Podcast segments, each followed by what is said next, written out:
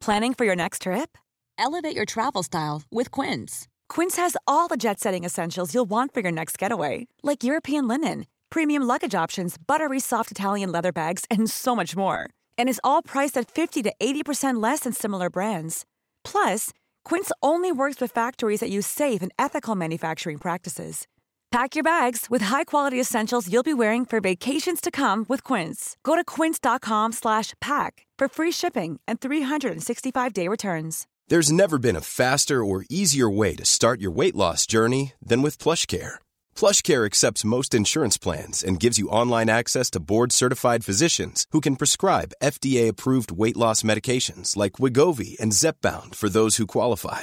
Take charge of your health and speak with a board-certified physician about a weight loss plan that's right for you. Get started today at plushcare.com slash weight loss. That's plushcare.com slash weight loss. plushcare.com slash weight loss. Hiring for your small business? If you're not looking for professionals on LinkedIn, you're looking in the wrong place. That's like looking for your car keys in a fish tank.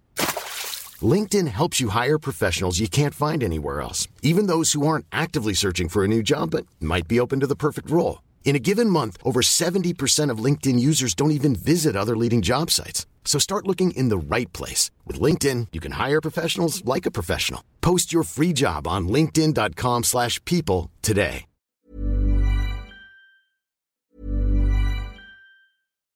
One size fits all seems like a good idea for clothes until you try them on. Same goes for healthcare. That's why United Healthcare offers flexible, budget friendly coverage for medical, vision, dental, and more. Learn more at uh1.com. Hiring for your small business? If you're not looking for professionals on LinkedIn, you're looking in the wrong place. That's like looking for your car keys in a fish tank. LinkedIn helps you hire professionals you can't find anywhere else, even those who aren't actively searching for a new job but might be open to the perfect role. In a given month, over 70% of LinkedIn users don't even visit other leading job sites. So start looking in the right place. With LinkedIn, you can hire professionals like a professional. Post your free job on linkedin.com/people slash people today.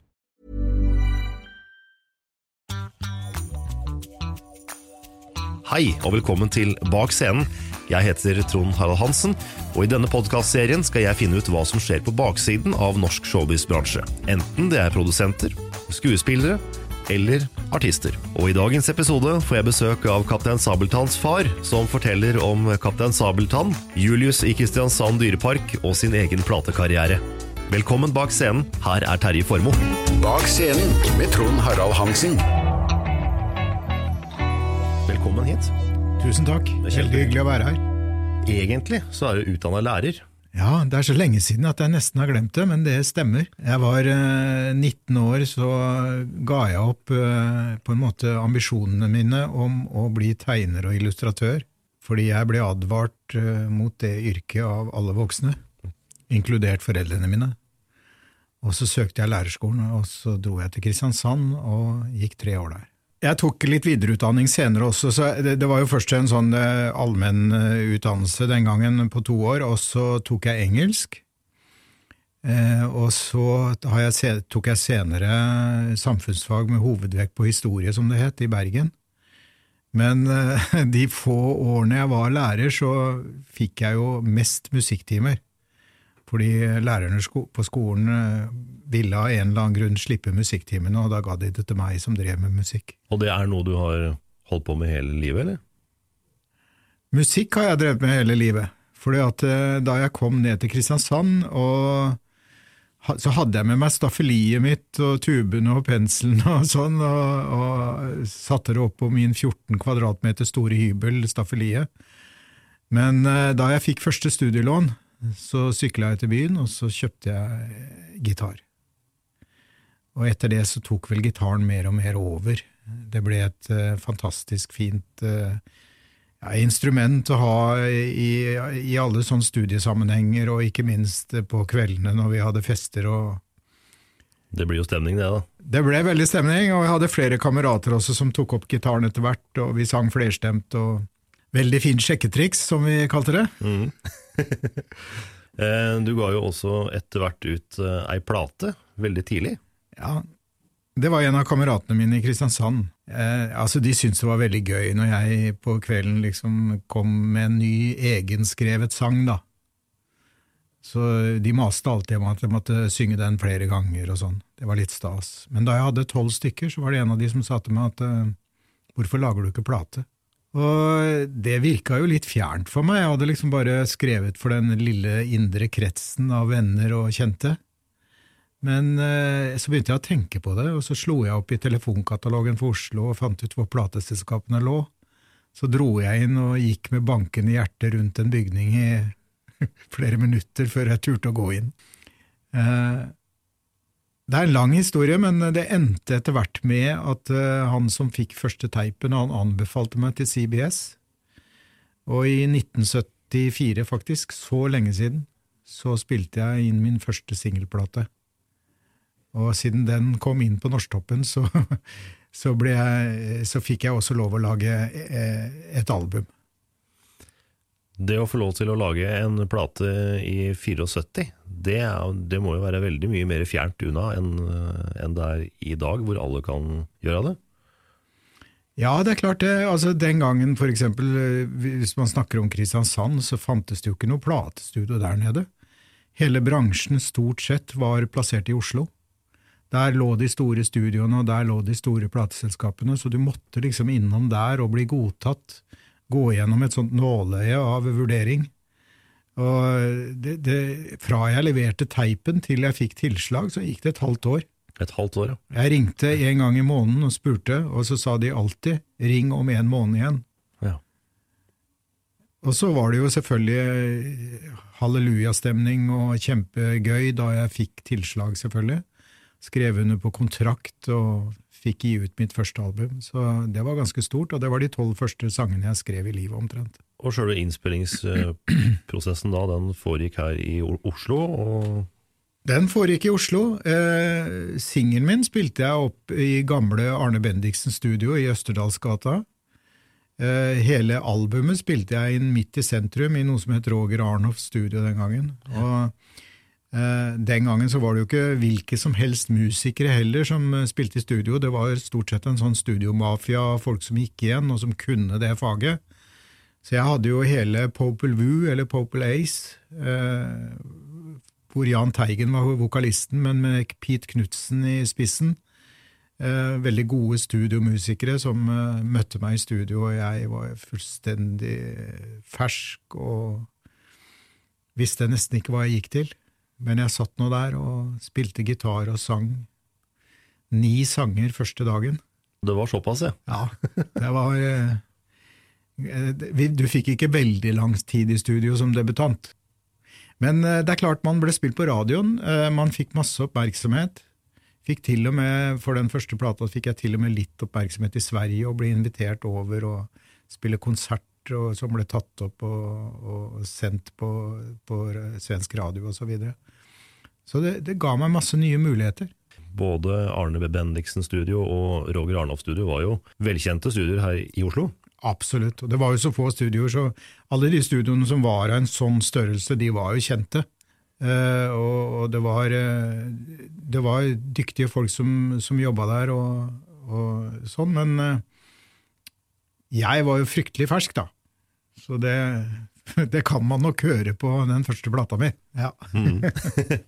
Men etter hvert så kommer du jo i, i, et samarbeid med Dyreparken i Kristiansand. Ja. Hvordan oppstår det? Nei, altså Når man uh, ga ut en plate i den tida, så var det liksom uh, Ambisjonene mine var jo at jeg skulle kunne leve av musikk, da, og drive med musikk på heltid. Og det var jo for mange rundt meg, så var det litt virkelighetsfjernt. Og Den eneste måten å overleve på, det var vel å reise land og strand rundt og spille.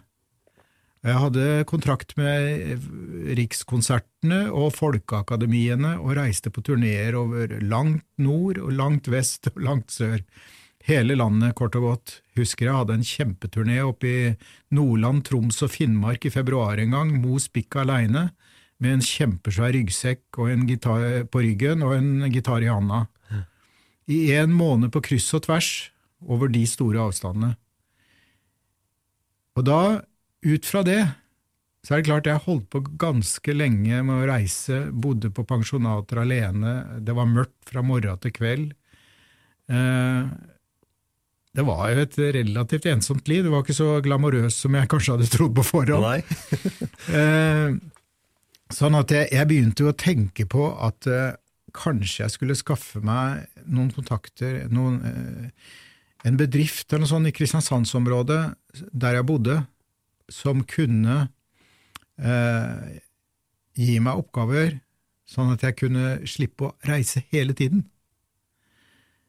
Eh, det, det høres nesten ut som et eventyr når jeg sier det, men, men det er faktisk en sann historie at jeg gikk på kino, så på reklamen og tenkte at jeg skal finne en bedrift her som jeg skal ringe til i morgen. Og så kommer det da opp et lysbilde av selveste Julius i trestammen. Eh, dette var i april 1983, og tenkte yes, Dyreparken. Og jeg hadde nettopp lest i lokalavisa at eh, Dyreparken var i ferd med å utvide med Norges første fritidspark. Parken skulle bli dobbelt så stor. Så jeg ringte ut til sjefen i Dyreparken dagen etter og spurte om jeg kunne få lov å få et møte med han. Og da jeg kom ut av han, så sa, spurte jeg om, eh, sa jeg at jeg kan lage en del sanger ja, om den nye parken. Lage en kassett. Eh, Det høres veldig forhistorisk ut men når jeg sier kassett, men, eh, og det er det jo på en måte òg. Men det er jo litt på tur inn igjen, omtrent, det. ja, utrolig nok. Ja. Men eh, i hvert fall så sa han det at det er for mye å lage en hel kassett, men du kan jo skrive en sang om Julius. Så jeg gikk hjem og spiste middag, og så gikk jeg på rommet mitt etter middag, og så var jeg borte i to timer. Og så ringte jeg til den og sa at nå er sangen ferdig. Vi har ikke sett ham før, men vi kjenner han som TV-sjarmør. Det koster mye å bli populær. Er det noen som vet hvor stjerna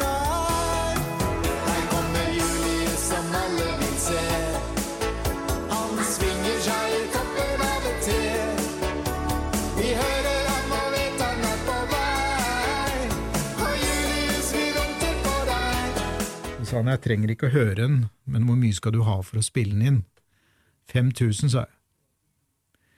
Og så lagde vi da en første versjon, og så skulle jeg lage min første barneplate i Oslo, eh, i Bell Studio i Oslo, eh, samme året.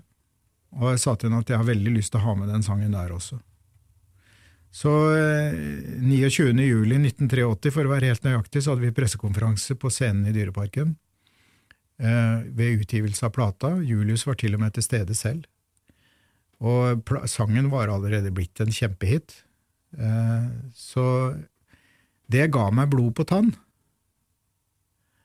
Og kontakten med, med Dyreparken var etablert, og jeg gikk ut med en ny idé, noe som het Barnas talenttreff. Og det gikk også bra. Og etter det så ble jeg på en måte trukket mer og mer inn i parken, og fikk, ble spurt om jeg ville overta ansvaret for uh, markedsføring og underholdning. Og det var liksom da var på en måte min skjebne besegla i en del år framover. Historien eh, kjenner vi jo. Det blei jo, det ble jo Sabeltann. Noen år etterpå, jeg gikk jo, jeg hadde jo ansvaret for å fylle scenen der med norske artister. Eh, Dyreparkens scene er jo veldig spesiell. Fordi at hvis, du, hvis barna kjeder seg i tre minutter, så går hele familien videre til eh, de 99 andre attraksjonene. Eh, men eh, det, som, det, det, det, har jeg sett mange eksempler på, og så så jeg også artister som fikk det til veldig bra. Blant annet jeg Jahn Teigen var en veldig populær artist der, som hadde alt det som publikum var på, der elska. Både voksne og barn. ikke sant? Han hadde de hitsene sine som alle kunne. Han hadde humoren sin. Han hadde en måte å være på som traff et veldig bredt familiepublikum. Han hadde alt. Eller har alt. Ja. Så eh, jeg lærte veldig mye av å observere det. Eh, og jeg gikk rundt og tenkte i noen år at en dag så skal jeg begynne på mitt eget prosjekt. Eh, så i høsten 1989 så tenkte jeg nå begynner jeg. Og da satte jeg meg ned og skrev. Rablet ned et manus for hånd. og lot det være åpne felt der hvor sangtekstene skulle inn. Men det aller første jeg gjorde, var å lage en tegning av de karakterene jeg skulle skrive om. Og jeg er klart jeg var blitt godvenn med en del gode skuespillere som, som kom til parken hvert eneste år, og som jeg på en måte var sjef for. Så det var veldig lett å få de med på det også. Så høsten 1989 så skrev, ble det første stykket skrevet, og de første sangene. Og sommeren 1990, nærmere bestemt 9. juli klokka 16, så var det premiere, urpremiere på det første stykket, 'Kaptein Sabeltann og skatten i Kjuttaviga'. Vi seilte fra Karibien og ankret opp i natt. Vi har hørt et gammelt rykte om en helt fantastisk skatt. Kaptein Sabeltann er en farlig mann. Nå kan jeg lukte gull, derfor ror vi inn mot land. Hiv ohoi, snart er skatten vår, så kan vi ta det rolig de neste hundre år. Så kan vi ta det rolig de neste hundre år. Mottagelsen da? Det var fryktelig var spennende på forhånd. Eh, Det var jo ikke så mange som jeg håper å si, registrerte det av media og sånn akkurat da, for jeg, jeg lagde jo en slags treårsplan for hvordan jeg skulle gjøre det kjent i hele Norge. Så den første sommeren så spilte vi det bare i Dyreparken, men det var fryktelig spennende å se om det kom folk. Og det var fullt hus fra dag én, selv om det, tribunen var jo ikke så stor den gangen som den er nå. Så ca. 1400 mennesker. Eh, og det var fullt hus hele veien, hele den sommeren. Men sommeren etter så prøvde vi også en nattforestilling, og som ble dømt nord og ned da, av de som var rundt oss, men de sa du får bare gjøre som du vil. Så gikk vi ut i nærradioer, nærradioer er bra, eh, og fortalte om om ett og et halvt døgn, i morgen kveld, skal det være en helt spesiell hendelse i Dyreparken. Da spilles sjørøvershow for hele familien. Ta med dere barna, kom ut klokka elleve på kvelden. Og det ble jo sagt at har du glemt at det er barneforestilling, det kommer jo ikke folk. Det var et utrolig rørende øyeblikk for oss skuespillere som sto bak i kulissen og kikka ut etter tur i kikkhullet vårt, fem minutter før vi skulle begynne og så at det var fullt hus. Det må jo være kjempestas. Det var fantastisk, og året etter så spilte vi bare nattforestillinger. Vi eh, var på TV 8. februar 1992 på åpningen av Spellemannprisen foran 1,3 millioner seere. Hele gjengen kom stormende ned i amfiet i Chateau Neuf, opp på scenen, prøvde å rappe alle trofeene fra Knut Borge, som var programleder. eh, og jeg fekta med Ruben på mellomspillet, sang live med stort orkester, og fikk Ruben i bakken så jeg kunne synge tredje vers.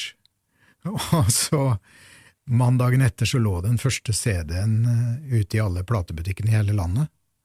Og sakte, men sikkert så, så ble Kaptein Sabeltann landskjent.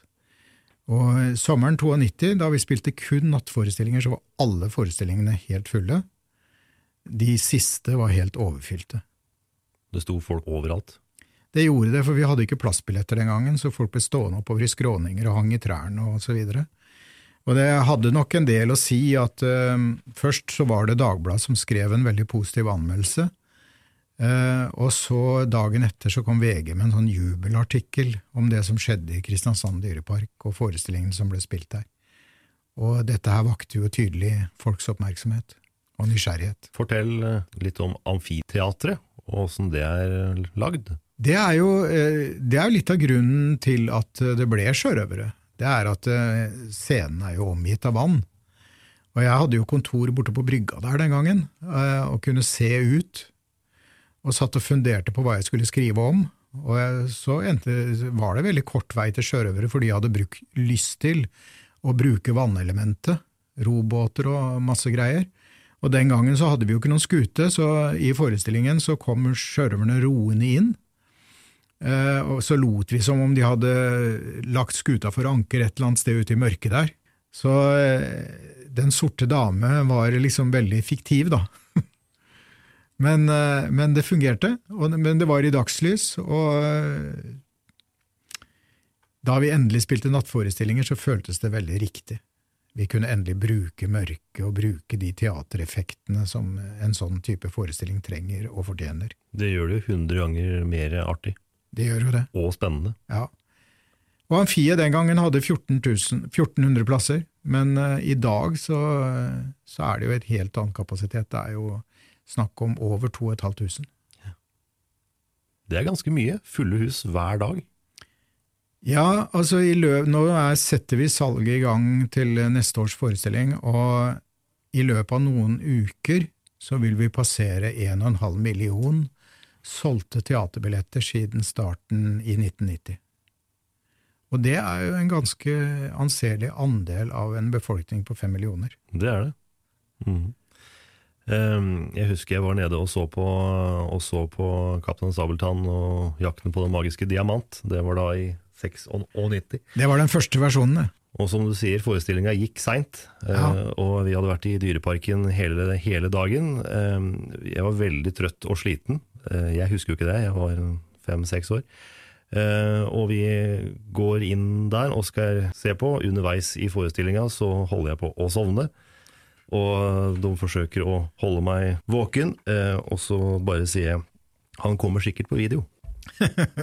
det gjorde han jo òg, da. Og det gjorde han jo òg, dog en litt annen utgave. Men, men, det var vel også en eh, suksess at NRK valgte å gi ut eh, første eh, forestilling på video. Det, det var en, en, bestemt produsent i NRK som tidlig på 90-tallet var på besøk, nemlig Nandor Hamsa.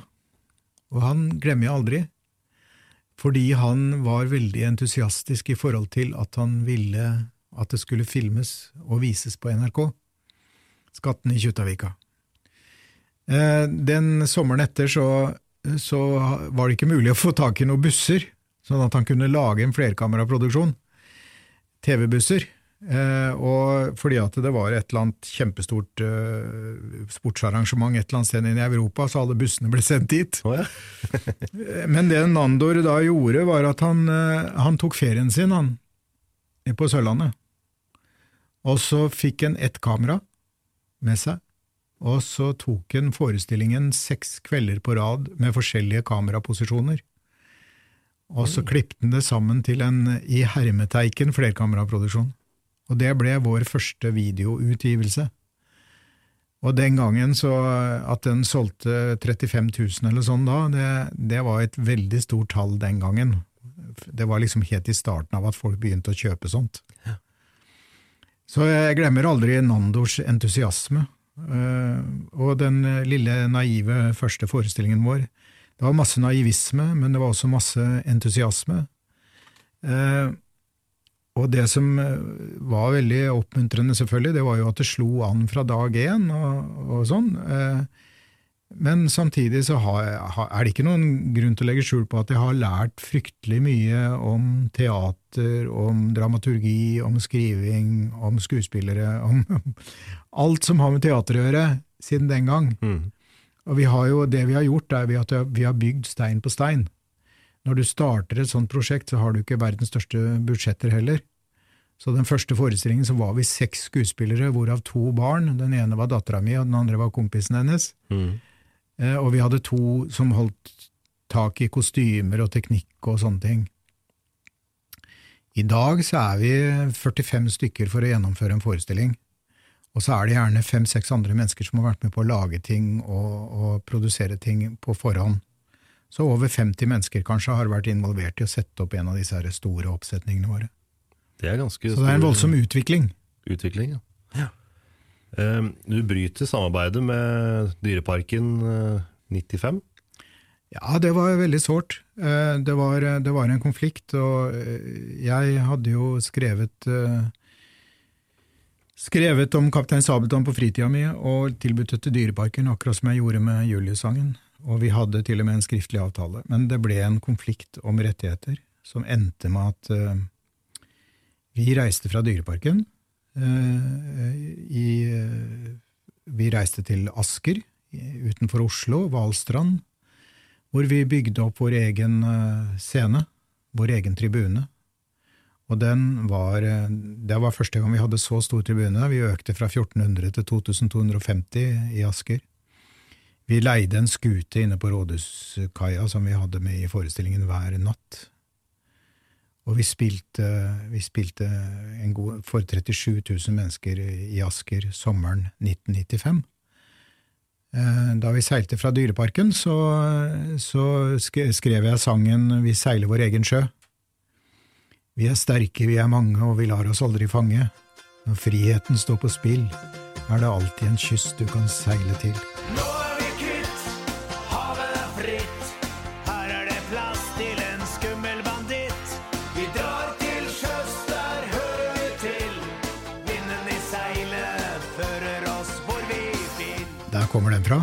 Så, og det var en fæl konflikt, for at eh, for min del så føltes det som kjærlighetssorg, at jeg var veldig glad i Dyreparken og, og alt sånt, men vi hadde ikke noe valg og måtte reise. Eh, og vi kom til Oslo. Eh, 11. juli 1995 så seilte vi inn for, med, med, skoleskipet Sørlandet inn på Aker Brygge. Eh, vi hadde en annonse i VG, det var det vi hadde råd til av annonsering, men eh, på baksiden av VG en liten annonse til 12 000 kroner, hvor det sto at vi kom da og da og alle Kaptein Sabeltanns menn var om bord, menn og kvinner, på skoleskipet Sørlandet. Jeg syntes det var en fin tanke at Sørlandet skulle frakte oss til Østlandet. Fryktelig spente var vi da vi runda neset og så inn et folkehav som ikke var til å tro. Det var i hvert fall 15 000 mennesker der, ble det sagt. Eh, pressen var der, og vi la til ved kai, og eh, VGs overskrift var eh, 'Hysteri ohoi'. Eh, det var en fantastisk mottakelse fra publikum. Jeg følte de omfavna oss. Og kaptein Sabeltann og hans menn kjørte i åpne Amcar og med flagrende sjørøverflagg ut til Asker sentrum, hvor det sto 5000 mennesker til, med ordføreren i spissen, og vi åpnet da sjørøverbyen Asker. Og så spilte vi da for 37 000 mennesker på Valstrand. Dette høres helt vilt ut. Det var helt fantastisk. Eh, vi gjorde veldig mye annet rundt i Oslo-området også i den sommeren. Eh, det gikk ikke like bra i Dyreparken, så eh, det endte jo med at de ville ha oss tilbake, men jeg takka nei til å begynne med. Fordi at vi hadde tilbud fra veldig mange andre byer i Norge som ville ha oss. Det vil jeg tro. Det var mange kultursjefer som gikk ut i lokalavisa og sa at vi skal prøve å få Kaptein Sabeltann hit. Men vi hadde lange forhandlinger, og Eh, det kom nye folk inn, og så videre, og så ble det riktig å dra tilbake til Dyreparken sommeren 1996, året etter. Og etter en ganske dårlig sesong i 95 så satte jo Dyreparken og vi da ny besøksrekord i 1996. Da du var der. Og så Jakten på den magiske diamant. Da Sabeltann var hjemme igjen? Ja.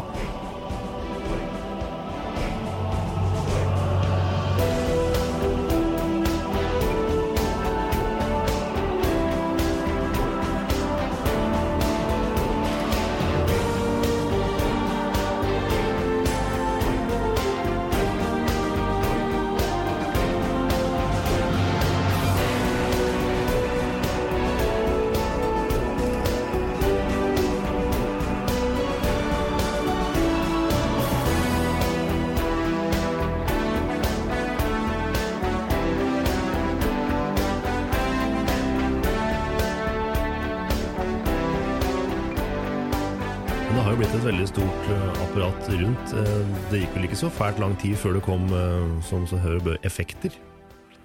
Nei, det, det, var jo spørsmål om sånne ting, og til å begynne med så, så, var jeg ikke så bevisst på det, på sånne ting, men eh, det var veldig mange som ringte meg. og så men jeg var be veldig bevisst på én ting, og det var at jeg ville at Kaptein Sabeltann Altså, jeg tenkte konkret, jeg vil ikke at det skal bli en døgnflue, jeg vil at det skal bli en barneklassiker som lever lenge i landet. Og hvis man tar et sånt valg, så må man ta en masse andre valg i lys av det. Sånn at øh, jeg ble for eksempel spurt om å komme rundt og synge på alle landets varemesser og stå med sølvmikrofon i handa som Kaptein Sabeltann og synge Hiv ohoi mellom to bjerkekvister, og det sa jeg nei takk til. For dette er ikke Kaptein Sabeltann, han må opptre i sitt eget miljø, i sitt eget univers, og være troverdig. Eh, og så kom det masse spørsmål om, eh, om å lage forskjellige produkter, og så begynte jeg å tenke på hvilke produkter som passet inn i universet mitt, og hvilke som ikke gjorde det. Jeg tror nok litt feil her og der, Men jeg lærte mye, og eh, etter hvert så, så, lærte vi også litt om eh, kvalitet, sånn type ting. Så vi gikk en vei før vi kom dit vi skal være, men i dag så har vi jo hånd om det selv, og, og følger alle sånne kvalitetskriterier og normer og regler som fins i bransjen, og er veldig opptatt av at de tingene vi lager skal være skikkelige. Er det sånn at når man gir ut noe og man har suksess med det, så kommer andre og også vil ha sin del av, um, sin del av kaka? Veldig mange som vil ha en del, selvfølgelig, eh, men det er ikke alt som er like riktig å ta inn. Som noe, av, noe av oppgaven min ble jo på en måte å si nei. Eh, og tenke grundig gjennom hva slags eh, univers, hva slags opplevelsesunivers er det jeg vil skape. Og det er klart, Man sitter ikke der og vet alt. Snarere tvert om så må man, når man skal bygge opp et sånt type univers, som er så omfattende, så må man rett og slett eh, gjøre en masse ting som man aldri før har gjort, og som man dermed ikke kan også. Men ved å jobbe hardt, så lærer man seg ting underveis. Eh, så jeg har jo jeg har skrevet Vi har vel lagd 30 bildebøker for barn, cirka. Vi har eh, lagd masse videoer og DVD-er. Eh, kanskje jeg har skrevet eh, bortimot 80 sanger for konseptet. Jeg har skrevet eh, masse forestillinger, teaterforestillinger, TV-serie har vi lagd, vi har lagd kinofilm, eh, og vi har eh, masse andre planer også. Og det er egentlig to mål. Det er hele tiden er at vi skal, vi skal bli bedre og bedre på det vi gjør, sånn at det, det blir interessant å se forestillingene år etter år. Vi skal være på et veldig høyt internasjonalt nivå i det vi gjør, egentlig. Og så har jeg jo også den ambisjonen om at jeg, jeg ønsker at uh, kapteinen skal bringes ut til uh, andre land også. Har du opplevd noe etter, etterspørsel der, fra utlandet? Ja, altså altså TV-serien ble solgt til noen få land, men uh, kinofilmen som vi lagde, ble jo solgt til over 100 land. og så er det bøker og sånn som har vært solgt en del steder, i noen enkelte land og sånn. da. Men eh, det derre skikkelig store gjennombruddet, det har ikke kommet ennå i andre land. Men det er jo for eksempel i Sverige så er det en økende antall folk som annet kommer på forestillingen i Kristiansand, men som også er veldig opptatt av Kaptein Sabeltann. Det er det, ja. Og vi har jo produkter i, i, i noen av leketøyskjedene i Sverige, og mange svenske barn som i dag leker med Den sorte dame mm. og figurene. Sånn at vi, vi, er, vi, er, på glid, men vi må gjøre de rette tingene, og vi har store prosjekter på gang nå som er veldig tidlig og for tidlig å si noe om, men vi, vi holder på å bygge opp et prosjekt som, som, jeg har veldig tro på, og som skal bringe oss videre. Det som må skje, er at vi forteller historiene, og vi forteller historiene på en sånn måte at det engasjerer både voksne og barn. Mm. Jeg ønsker å nå ut til alle generasjoner. Men som jeg pleier å si, at det er barna som er hedersgjestene. Nattens hedersgjester når de kommer på forestilling. Så det er et møysommelig arbeid. Det er hele tiden, etter hvert som vi får økte ressurser, å øke kvaliteten på det vi holder på med. Og jeg har en fantastisk teaterstab, helt profesjonelle folk, som tar den samme utfordringen hvert eneste år og som, eh, som, står på med masse fryd og entusiasme. Sånn at det er en fryd for en opphavsmann å gå rundt der og være med på oppbyggingen av hver eneste eh, oppsetning. Det jeg syns har vært eh, gjennomgående, det er liksom hvis man, hvis man ser på albumene, da, så er jo de også De er jo veldig bra produsert. Det er jo ikke alle utgivelser fra 90-tallet man kan si det om. Nei, altså første, det første albumet så sa jeg jo til den gangen til plateselskapet mitt sa at eh, jeg hadde så tro på det jeg holdt på med, så jeg var vel kanskje litt stor i kjeften.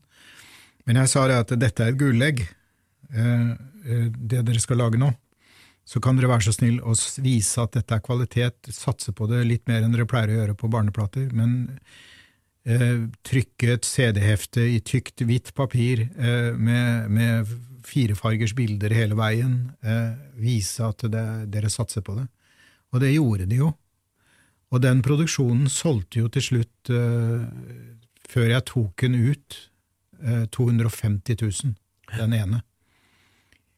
Eh, vi har jo passert 1,5 million solgte Kaptein Sabeltann-plater i Norge.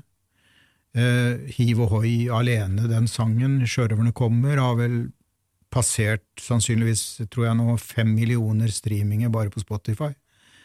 Sånn at uh, musikken er veldig utbredt. Men også der så, så var det jo sånn at tidlig på 90-tallet så var det mye synter. Ikke hadde jeg så veldig mye stort budsjett heller for å lage den første plata. Men sånn at vi har, vi har på en måte tatt vekk produksjoner og spilt inn sangene på nytt etter hvert som det har kommet Mm. flere lydrevolusjoner. Og det er klart at for min del så er musikken noe av det som står hjertet mitt nærmest. Musikken og sangene. Eh, og det er utrolig viktig for meg at eh, det skal satses like mye på sangene som, som om det skulle ha vært en ren voksenproduksjon. Men det får du jo tilbake eh, i form av tilbakemeldinger og selvfølgelig streaminger. Katalogen streames et sted mellom åtte og ni millioner ganger i året. Det er ganske mye. Det, det er en del. Eh, jeg føler meg litt privilegert der. Men jeg får det også tilbake i form av meldinger om eh, vorspiel og nachspiel hos eh, ganske godt voksne mennesker, Mhm. Hvor sangene går, eh, og at sangene brukes. Det er jo noe av det som er min fryd, for jeg, jeg, jeg, er, veldig, jeg er veldig æreskjær i forhold til musikken. Jeg føler at vel, en veldig stor del av meg er musiker og låtskriver og tekstforfatter, og jeg er veldig æreskjær i forhold til at det jeg gir fra meg, det skal være bra. Eh, Så jeg føler at vi har kommet på et ganske høyt nivå etter hvert. Så jeg har, jeg har jo selvfølgelig etter hvert, da, som veldig mange andre artister og sånn, så har jeg gitt ut platene mine på eget, egen label. Så i dag så er det liksom Terje Formoe Records som eh, har hele katalogen. Og der er det bare to artister. Det er Kapteinen, og så er det Terje. For jeg har jo en ambisjon, en sterk ambisjon om å vende tilbake til musikken, og jeg har egentlig gjort det. Mm. Vender tilbake til den voksne musikken, og vil også satse veldig på den nå. For jeg føler at 80 sanger med Kaptein Sabeltann, det er, eh, det er mye. Ja. Jeg har skrevet i tredjeperson, jeg har skrevet for kjente rollefigurer, men nå skal jeg, eller jeg har nå en god stund skrevet også for meg selv, mm. i jeg-form. Men det er ikke så du kom ut med Du har jo omtrent parallelt med det her utgitt egne album. Ja, det har jeg nok. Eh, De har vært litt, må jeg innrømme, venstrehånds, fordi at kapteinen har krevd hele meg i et, vel et kvart århundre. Eh, Jeg har lagt veldig mye ressurser og veldig mye tid og krefter på å få det opp å stå. Eh, Og jeg kommer til å fortsette i kulissene, for jeg har svære ambisjoner for kapteinen, som du skjønner. Men samtidig så har jeg nå brukt veldig mye tid på det, det, de, de sangene, sangene som kommer ut fra meg selv. Og det er ganske viktig. Musikken, gitaren, jobbe med musikere igjen, eh, gi ut album. Og jeg, plutselig, ved å, ved å på en måte si at nå har jeg fokus der, så har jeg kommet inn i en flytsone, på en måte.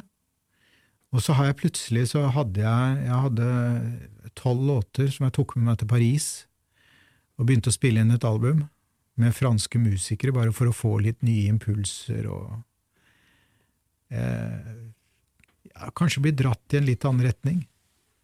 Men Litt annen mens det? Ja, veldig inspirasjon. Men eh, mens den plata var underveis, så skrev jeg jo sanger videre, og så plutselig så hadde jeg nok til et album til. Og så traff jeg en eh, produsent på et, eh, et eh, norsk sånn låtskriverseminar som NOPA lager på havna i Tjøme i januar i år. Så traff jeg Kyrre Fritzner, som jeg har hørt mye om. Mm. Eh, og så fikk vi jo kjempekontakt.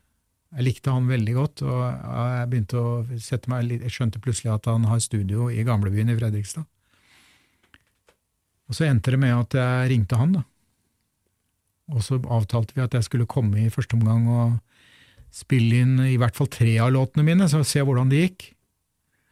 Og så hadde jo han, da jeg kom, så hadde han jo samla et stjernelag av musikere.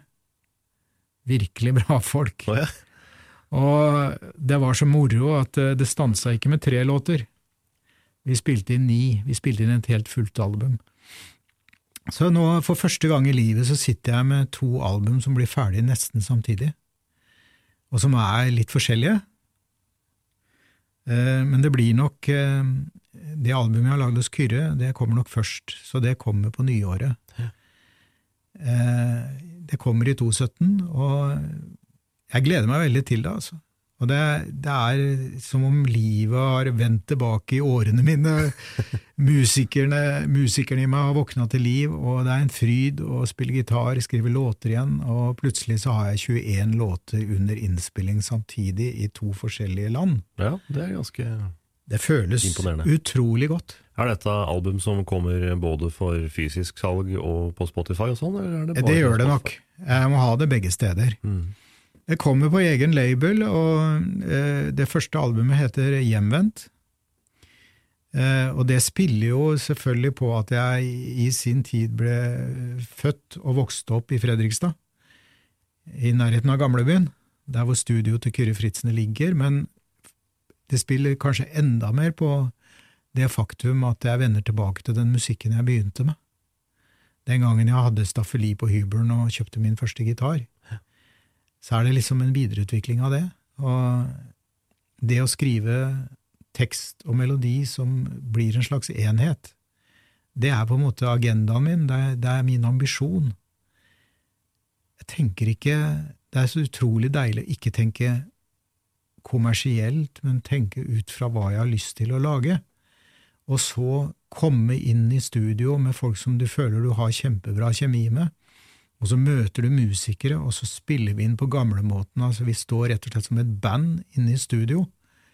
Jeg står midt imellom og både spiller og synger, eh, spiller litt og synger veldig mye. Istedenfor tre låter, så ble det altså ni låter på fem døgn som vi spilte inn, og vi har, gjort, vi har selvfølgelig jobba masse med plata etter det også. Masse pålegg og alt mulig, men en singel er ute, og plata kommer. Og jeg gleder meg veldig. Det skjønner jeg. Når du da Eller du må jo ha en, fantasi og en låtskriverevne som er relativt unik, da. Når du da sier at du skrev Julius-låta på to timer, du har skrevet 80 låter i Sabeltann-universet, og du har 21 låter under, under innspilling. Det er ikke så lett som det høres ut, men altså, jeg, jeg, så et veldig eh, interessant intervju med Paul Simon på Skavlan for en tid tilbake. Og siden Paul Simon er en av mine store idoler, så ble jeg sittende og se på det. Og jeg syns han uttrykte det så veldig flott, eh, dette her med hvordan, Bridge over Troubled Water bare plutselig kom til den. Eh, mens andre låter drev han og flikka på, blant annet Fifty Ways to Leave Your Lover, nevnte den, Flikka på i ett år, kanskje til og med to år, jeg husker ikke helt hva han sa, men det var i hvert fall over veldig lang tid før han var fornøyd. Og sånn er det egentlig å skrive låter, altså noen ganger så får du det bare nesten overlevert. Du får en idé, og så er du full av entusiasme, og så kommer det veldig fort, når du vet hva du skal gjøre. Eh, men andre ganger så er det tyngre. Men det jeg, det jeg har opplevd nå med de 21 låtene som har kommet nå, og kommet inn i den flytsonen, er at når du konsentrerer deg om noe, og du begynner å skrive litt hver dag, ikke bare liksom skriver en låt hver tredje måned eller noe sånt, så kommer du inn i en helt annen tilstand hvor ting kommer lettere til deg etter hvert. Du faktisk, du, det er som om du åpner opp noen kanaler, og så er det noen ganger føles det som om du bare får det. Det bare detter ned noe inni hodet som, som utvikler seg videre. Og det er noe av det morsomste jeg vet å drive med. Eh, så det er egentlig det, det Noe av det viktigste, tror jeg, med å være låtskriver, er kanskje å holde på hele tiden. Så, så du bevarer den derre den spiriten. Jeg synes det er veldig artig at du nevnte Paul Simon, for jeg, jeg tenkte faktisk på han når Ja. du sa at du reiste til eh, Frankrike. Mm. For Paul Simon dro til Sør-Afrika for å hente både inspirasjon, og han ga ut ei plate i 86 med Mm. kun afrikanske musikere. Mm. Som kanskje er noe av det råeste han har lagd. da. Ja, fantastisk. En nydelig plate. Men Paul Simon har jo i hele tatt lagd eh, utrolig mange klassikere, og mye man har blitt inspirert av. Fantastisk låtskriver. Eh, det ble en liten digresjon. Ja, men det, det er jo et, et sted henter man jo eh, heldigvis ting fra. Man, det, er, det er masse mennesker her i verden som, som virker eh, utrolig positivt på den kreativiteten man selv har inni seg. Eh, og det er mye inspirasjon å hente fra, fra alle typer kultur og kunst. Så bare for å ha sagt det, da. Det, det er- altså et, fatt, et, et eh, samfunn uten kunst og kultur ville jo vært utrolig fattig. Det blir veldig kjedelig. Ja. Det tror jeg egentlig, hvis alle, alle som alle, klar, alle, alle vet, bare man ser seg litt rundt. Så eh, kanskje det å Det har jo skjedd veldig mye, eh, veldig mye på musikkfronten gjennom alle de årene jeg har holdt på, og det er jo den gangen jeg begynte, vi nevnte den første plata mi og sånne ting, hvor det var liksom alle sånne plater som ble lagt, øh, gitt ut av nordmenn den gangen, ble jo behørig omtalt i media, og du fikk ganske mye radiospilling på NRK i alle slags øh, sammenhenger. Det var Eh, litt svært, det var litt gjevt. Ja, det var det. Eh, I våre dager så er jo alt blitt så formatert og eh, litt A4, ikke sant? Eh, så eh, man føler jo på den ene siden at man går glipp av veldig mye. Eh, det er liksom bare det, er veldig smalt, det som slipper til. Mens eh, i, hvis en går en del år tilbake, så ble liksom, da Beatles var på toppen, ikke sant, så kunne de spille noen av de mest særeste låtene til The Beatles på albumet, ble allikevel spilt på radioen. Og det er, føler vi går glipp av noe fordi at en del av bredden blir borte. Det er, det er jo noen få som avgjør hva som, hva som skal ut. Det er så- det. Og hvis man da begynner å skrive musikk etter den eh, malen, da bærer det galt av sted. Jeg tror vi til enhver tid må skrive ut fra oss selv. Det er essensielt. Annerledes å spille inn et album eh, i dag enn det var for eh, 25 år siden. Altså, det har jo vært 18 lydre lydrevolusjoner, så eh, antall spor du kan bruke blant annet er jo endeløst. Og, Hundrevis. Ja. eh, Det er liksom ikke snakk om 16 eller 24 spor lenger. Eller eh, fire spor som The Beatles spilte inn på. Sgt. Pepper, så, så kobla de vel sammen to firespor, så de hadde åtte spor. Men det setter jo litt musikken så mange år etterpå i et godt lys, da. Det gjør jo det. Hvis du ser litt på ABBA-produksjonen òg, da. Ja. Hvor, hvor mye de eksperimenterte, og hva de klarte å få til. da, Ja, de var jo veldig inspirert av Wall of uh, Sound, uh, Phil Spector og alt dette her, ikke sant? Og la på, la på, brukte flere slagverk og la oppå hverandre og masse stemmer og, og alt sånt, og fikk, eh, fikk et eget lydbilde som, som folk i dag kjenner som Abbas lydbilde. Men eh, det er helt klart at eh, den utviklingen Det er masse muligheter på den ene side, men eh, samtidig så er det morsomt å gjøre sånn som vi gjorde i gamlebyen i Fredrikstad. Da, at vi, vi ikke gikk inn og la på ett og ett spor, men vi var levende musikere som sto inne i studio og hadde øyekontakt med hverandre, og som prata sammen mellom hver gang vi skulle spille igjen. Hva kan vi gjøre annerledes? Hva om vi prøver dette her? ikke sant? Hva om vi legger inn de kordene der, ikke sant? Eh, da føler du at eh, det blir musikk på en annen måte. Så jeg, har- prøvd begge, begge måter å spille inn plate på, jeg. Eh, Jeg har prøvd mange måter, men, men jeg må si at akkurat den måten å jobbe på tiltaler meg veldig. får vel en helt annen kjemi i studio, som også gjør at uh, sluttresultatet blir uh, veldig mye bedre. Jeg tror, jeg tror på en måte de følelsene og en del av den stemningen du har i studio selv når du spiller inn, og som er, befinner seg mellom musikerne, den når ut til publikum når de hører det ferdige produktet. Eh, fordi at eh, musikk og sanger er jo i første rekke en formidling av følelser. Noe du har opplevd, kanskje en historie, men noe som som kanskje er ut, Utgangspunktet er kanskje noe personlig, men så er det jo det at vi mennesker vi er jo kanskje likere enn en vi tenker på. Vi har mange av de samme erfaringene. Livet farer ganske likt med oss på, på en del nivåer. Og skriver du en personlig historie i en sang og greier å formidle det på en personlig måte, så er det kanskje større sjanse for at det når ut til andre. Og derfor er jo en av mine kjepphester også at jeg, jeg skal synge og skrive på mitt eget morsmål. For det er der jeg kan nyansene i språket, det er der jeg kan formidle det jeg tenker og føler, best. Selv om jeg har studert engelsk og alt mulig, så blir det allikevel veldig klisjéaktig. Det blir jo ofte det. Det er lett å ty til hva andre artister på engelsk har, du har hørt i en eller annen sammenheng før. Det høres så fint ut. Altså. Vendinger. Mm. Litt tilbake igjen til Kaptein Sabeltann og det med innspilling av plater og sånt. Var det en fortrinnsvis enkel produksjon? Det første var nok den enkleste, for det, det, var jo også i syntperioden, og vi hadde ikke et kjempestort budsjett og alt mulig sånn. Eh, men relativt snart eh, i utviklingen, etter hvert som vi fikk mer ressurser og sånn, så, så ble det jo brakt inn musikere og eh, i, i, langt større grad, og vi brukte lengre tid i studio, og sånne ting. og ambisjonene vokste jo med, med, ressursene vi hadde til rådighet. Lang tid er det man må ha i et studie for å lage en Det er kanskje veldig individuelt? Men det varierer veldig, og det kommer litt an på hvordan man eh, spiller inn. Altså jeg har jo, eh, nå, nå har jeg i mange år i Kristiansand, så var jo Alf Emil Eik og hadde sitt studio. Og han gjorde jo veldig mye på egen hånd, og kunne bruke veldig lang tid på en produksjon.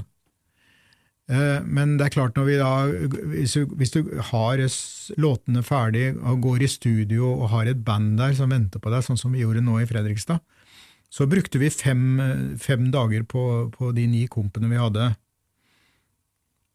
Og så er vi jo borte fra studio litt og sånn, så, eh, vi, men, men, hvis jeg skal liksom legge sammen tida vi bruker på den produksjonen, så er det kanskje gjort på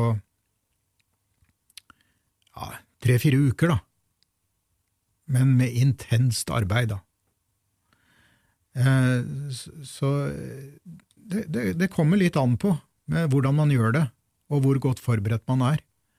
Sabeltann har jo vært i, i 26 år. Møter du fortsatt folk som har et veldig sterkt forhold til han og alle de andre? Ja, vi har, vi har faktisk gjennomført 27 sesonger.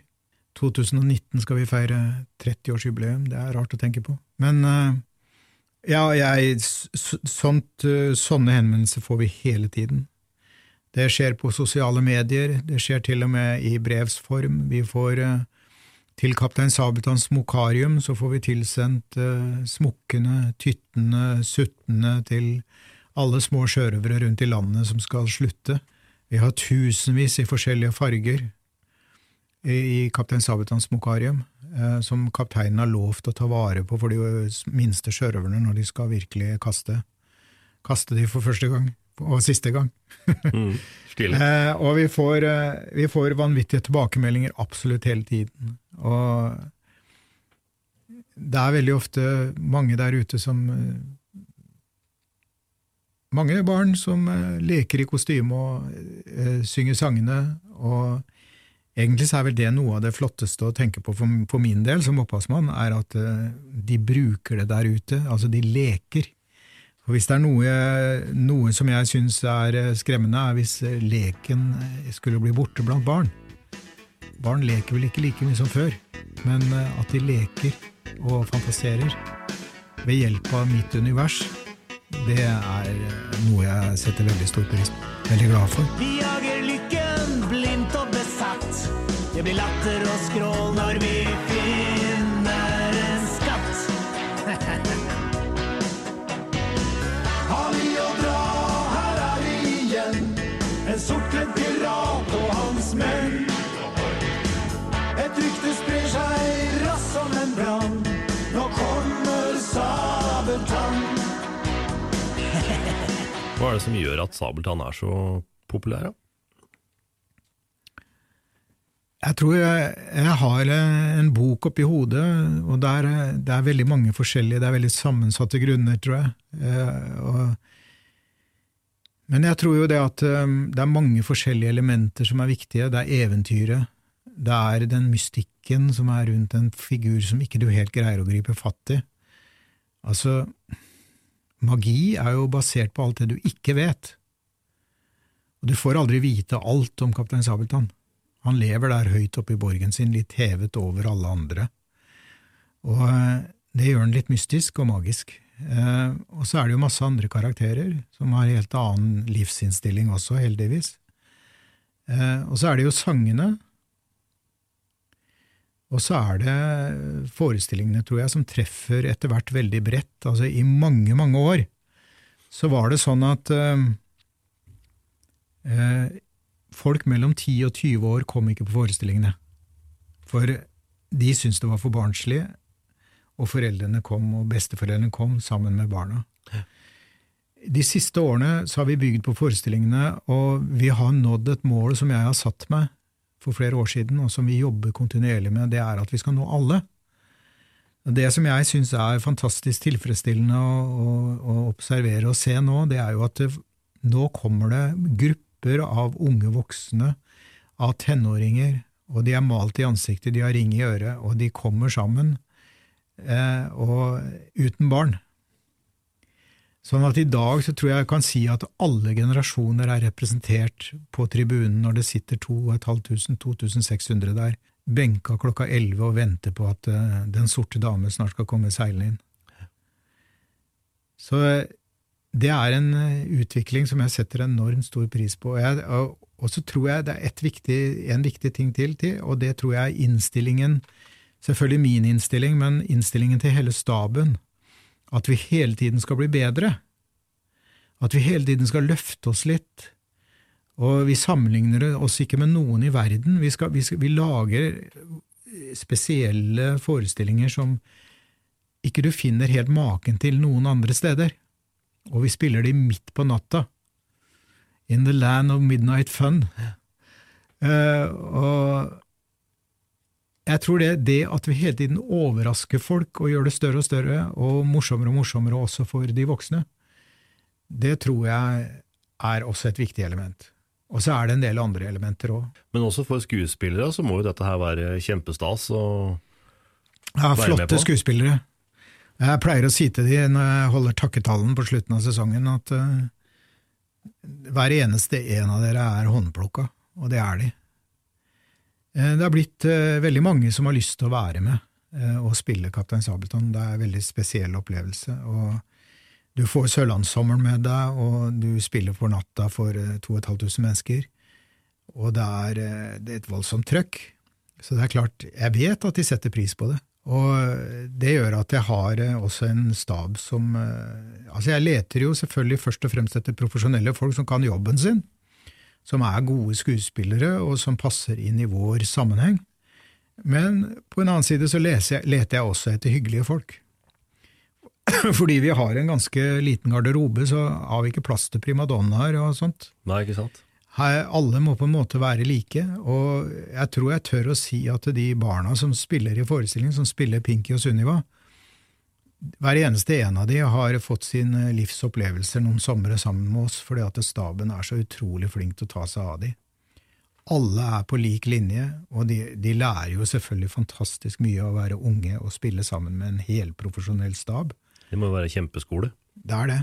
Og, men samtidig så tror jeg også de sitter igjen med utrolig gode minner, fordi at uh, det er så hyggelig stemning, det er så bra folk, og det er uh, rett og slett uh, veldig trivelig å holde på. Du spilte jo Sabeltann sjøl, ja. lenge. Mm. Hvorfor slutta du med det? Jeg spilte fra dag én i 1990 og ut sesongen 1999 i første omgang. Da hadde jeg spilt for en halv million, eh, og ambisjonene var kjempestore. Jeg satt der den, etter den siste forestillingen og kunne ikke si det til ett menneske, ikke, ikke et menneske rundt meg, at nå har jeg spilt min siste forestilling.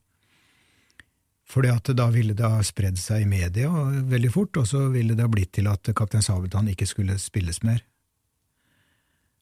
Så jeg sa ingenting om det før jeg hadde funnet en skuespiller som skulle overta. Det var en plan fordi jeg fant ut at det å både spille og skrive og drive med markedsføring, lage plater, skrive låter At én mann skulle gjøre alt det, hyre skuespillere, finne hus til de, osv. Det ble for mye hvis jeg skulle ha ambisjoner om at Kaptein Sabeltann skulle bli mye bedre. Da måtte jeg egentlig gå ut av kroppen hans, la han stå på egne sjøbein, og det ble en sånn ut av kroppen-opplevelse på en måte. Ja. Eh, jeg fant Svein Roger Karlsen som spilte Kaptein Sabeltann fra og med år 2000. Eh, og det ga meg frihet, den friheten jeg trengte til å videreutvikle, til å bli flinkere til å skrive stykker, til å bli flinkere til å fantasere, til å bli flinkere til å utvikle. Det var det nødvendige. Og så kan du si at jeg hadde på meg kostyme i mange år og gjorde spesielle stunts. Eh, eh Dukka opp i forskjellige byer og hadde ting på kaia. Eh, eh, Kapteinen har skrevet fredsavtale med utrolig mange ordførere i Norge. Og så gjorde jeg et comeback i 2010. Da spilte jeg hele sesongen. Da løp jeg i skogen og kom meg i noenlunde form for å klare den fysiske greia som det er å spille de forestillingene.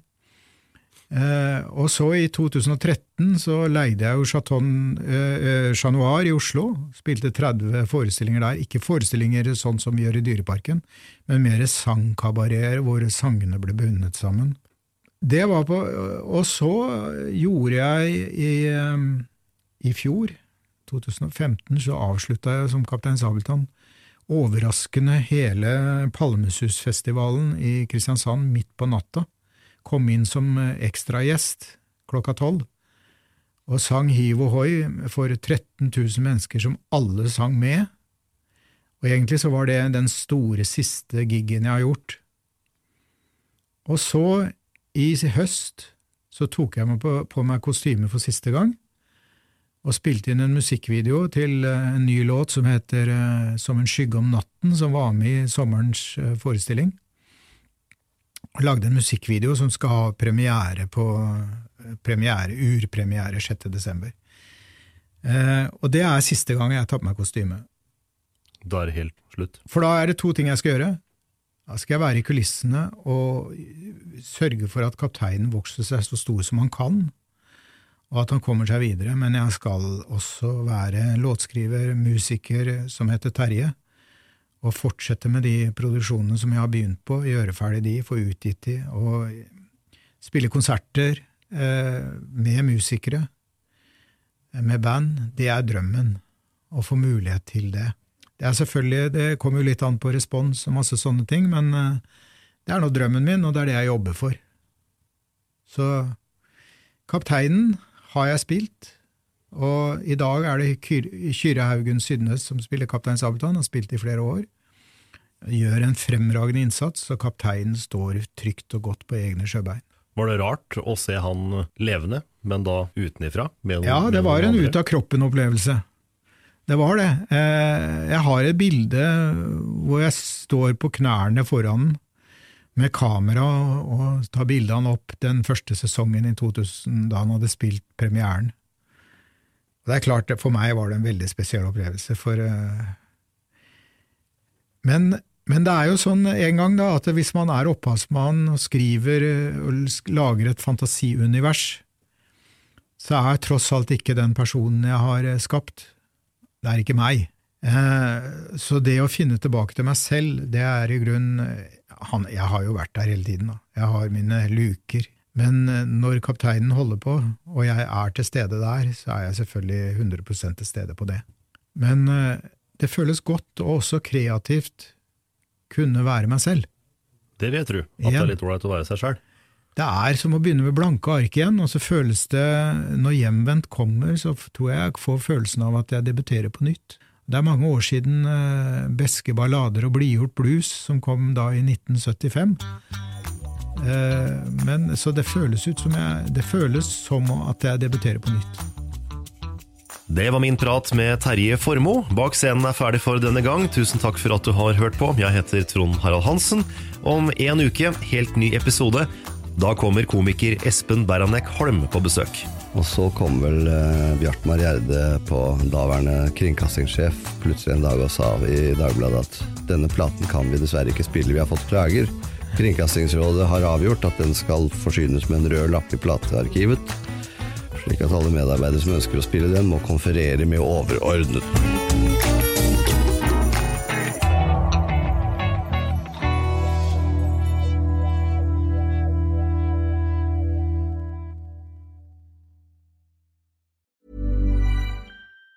Even on a budget, quality is non-negotiable. That's why Quince is the place to score high-end essentials at 50 to 80% less than similar brands. Get your hands on buttery soft cashmere sweaters from just 60 bucks, Italian leather jackets, and so much more. And the best part about Quince, they exclusively partner with factories committed to safe, ethical, and responsible manufacturing. Elevate your style without the elevated price tag with Quince. Go to quince.com slash upgrade for free shipping and 365-day returns. Planning for your next trip?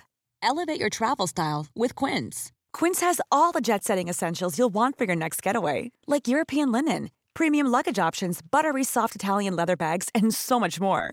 And is all priced at 50 to 80% less than similar brands. Plus, Quince only works with factories that use safe and ethical manufacturing practices. Pack your bags with high-quality essentials you'll be wearing for vacations to come with Quince. Go to quince.com slash pack for free shipping and 365-day returns.